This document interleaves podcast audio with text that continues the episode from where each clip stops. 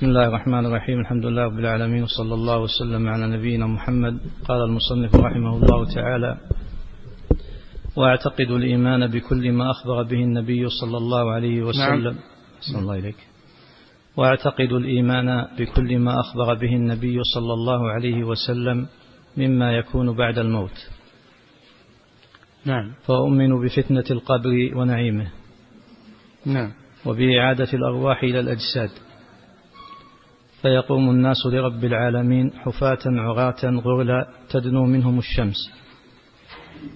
وتنص نعم. وتنصب الموازين وتوزن بها أعمال العباد. فمن ثقلت موازينه فأولئك هم المفلحون. ومن خفت موازينه فأولئك الذين خسروا أنفسهم في جهنم خالدون. وتنشر الدواوين فآخذ كتابه بيمينه وآخذ كتابه بشماله. نعم. وأؤمن بحوض نبينا محمد بسم الله الرحمن الرحيم. الحمد لله رب العالمين. صلى الله وسلم على نبينا محمد وعلى آله وأصحابه أجمعين. يقول الشيخ رحمه الله وأؤمن بكل ما أخبر به النبي صلى الله عليه وسلم مما يكون بعد الموت. هذه عقيدة أهل السنة والجماعة. أنهم يؤمنون بكل ما أخبر به النبي صلى الله عليه وسلم مما يكون بعد الموت. يعتمد على الخبر لأن هذا من علم الغيب الذي لا يعلمه إلا الله أو يطلع عليه من يشاء من رسله. وقد أطلع الله نبينا محمدا صلى الله عليه وسلم على ما يكون بعد الموت وأخبر بذلك أمته ليستعدوا لهذا ليستعدوا لهذا الذي يكون بعد الموت. فيؤمن وتؤمن الأمة ويؤمن كل مسلم بعذاب القبر ونعيمه لأن القبر إما دار نعيم لأهل الإيمان وإما دار عذاب لأهل الكفر والنفاق. فهذا ثابت عن النبي صلى الله عليه وسلم في أخبار متواترة أن القبر أن الميت يعذب في قبره إن كان من أهل الكفر والنفاق. وينعم في قبره إن كان من أهل الإيمان بأنه إذا وضع في قبره وتولى عنه المشيعون وإنه لا يسمع قرع نعالهم يأتيه ملكان يأتيه ملكان منكر ونكير هذا هذا اسمهما واحد اسمه منكر وواحد اسمه نكير. فيجلسانه تعاد روحه في جسده ويجلسانه يسألانه من ربك وما دينك ومن نبيك ثلاثة أسئلة. فالمؤمن يقول ربي الله وديني الإسلام ونبي محمد صلى الله عليه وسلم لأنه عاش على الإيمان فيبعث عليه ويوفق له إذا سئل فيقال له صدقت. فيفتح له باب إلى الجنة فيأتيه من روحها وطيبها وينظر إلى منزله في الجنة ويوسع له في قبره مد بصره ويبقى في نعيم إلى أن يبعثه الله وهو في نعيم يعيش في نعيم وراحة وسرور ويطلب ربه أن يقيم الساعة حتى يرجع إلى أهله وماله. وأما المنافق الذي يظهر الإيمان في الدنيا ولا يؤمن في قلبه ولا يصدق في قلبه وإنما يعيش على النفاق والريب والشك. المنافق لا يؤمن وكذلك الشاك الذي يقول والله ما أدري يمكن يصير يمكن ما يصير. يشك في أخبار الرسول صلى الله عليه وسلم. فيقال له من ربك وما دينك ومن نبيك. فيتحير ويقول ها ها لا أدري. سمعت الناس يقولون شيئا فقلت يعني في الدنيا من غير إيمان مقلد لأجل أن يعيش مع الناس ويحسب على المسلمين. نحن ما لنا إلا الظاهر من أظهر الإيمان والإسلام قبلنا منه ذلك ونكل سريرته إلى الله سبحانه وتعالى. فهذا هو الذي يتلجلج إذا سئل في القبر. فيقول ها, ها لا أدري. سمعت الناس يقولون شيئا فقلته. فيقال له لا دريت ولا تليت. لا دريت تعلمت وعرفت الحق ولا تليت الرسول صلى الله عليه وسلم وتبعته. فعند ذلك يضيق عليه في قبره. حتى تختلف أضلاعه. ويفتح له باب إلى النار فيأتيه من حرها وسمومها ويبقى في عذاب والعياذ بالله في حفرة من حفر النار. فالقبر إما روضة من رياض الجنة وإما حفرة من حفر النار. وهذا من أمور الآخرة لا نعلمها ولا ندري عنها إلا بالدليل ولا ندركها ونحن في الدنيا. فلو كشف القبر وجد على حاله. ما تشوف نعيم ولا تشوف عذاب لكنه في عالم آخر ما هو بعندك ولا معك فهو في نعيم أو في عذاب وأنت لا تدري. ويؤمن ونؤمن بالبعث أن الله يعيد يعيد الأرواح إلى أجسادها فيقوم الناس من قبورهم كما خلقهم الله حفاة عراة. نفخ في الصور ففزع من في الس... فنفخ في الصور. فصعق من في السماوات والأرض. يعني ماتوا. هذه نفخة نفخة الصعق. ثم نفخ فيه أخرى. هذه نفخة البعث. ينفخ إسرافيل في الصور وهو القرن الذي يحمله. لا يعلمه إلا الله سبحانه وتعالى. فينفخ فيه نفخة البعث فيقومون من قبورهم.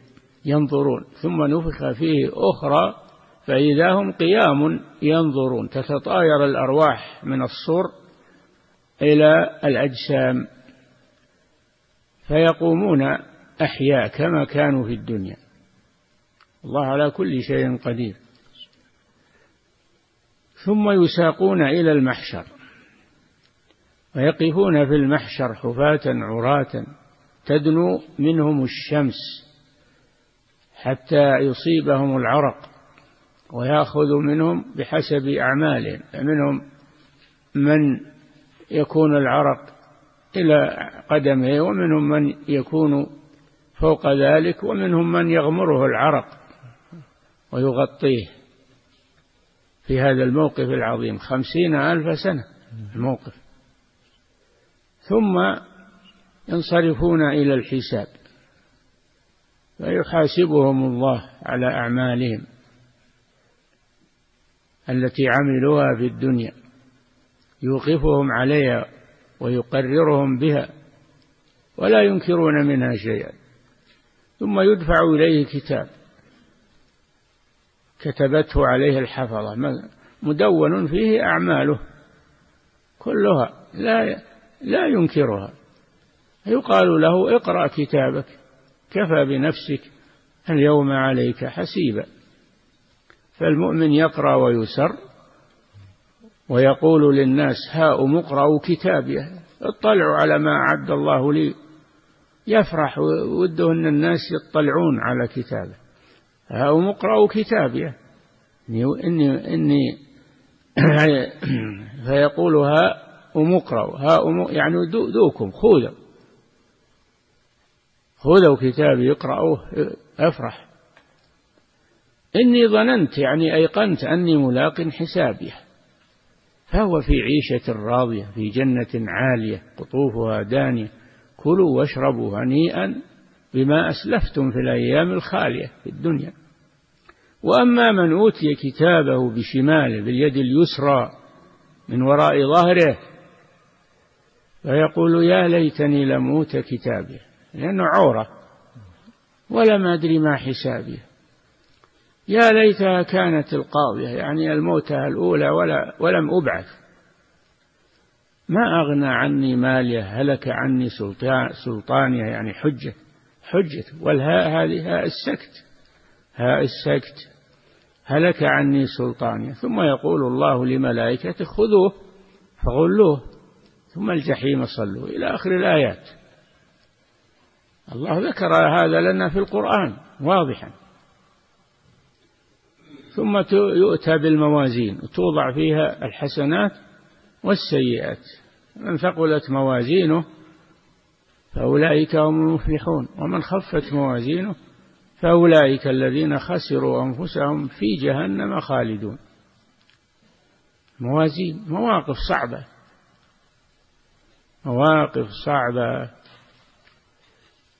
ثم بعد ذلك ينصرفون إلى منازلهم إما في الجنة وإما في النار يخلدون فيها أبدا. هذه النهاية. نعم.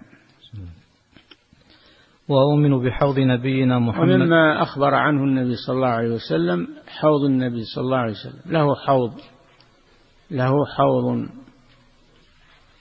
فيه ماء من الكوثر يشخب فيه ميزابان ماؤه أشد بياضا من اللبن وأحلى من العسل. من شرب منه شربة لم يظمأ بعدها أبدا. فترد عليه أمته ويسقيهم صلى الله عليه وسلم بيده.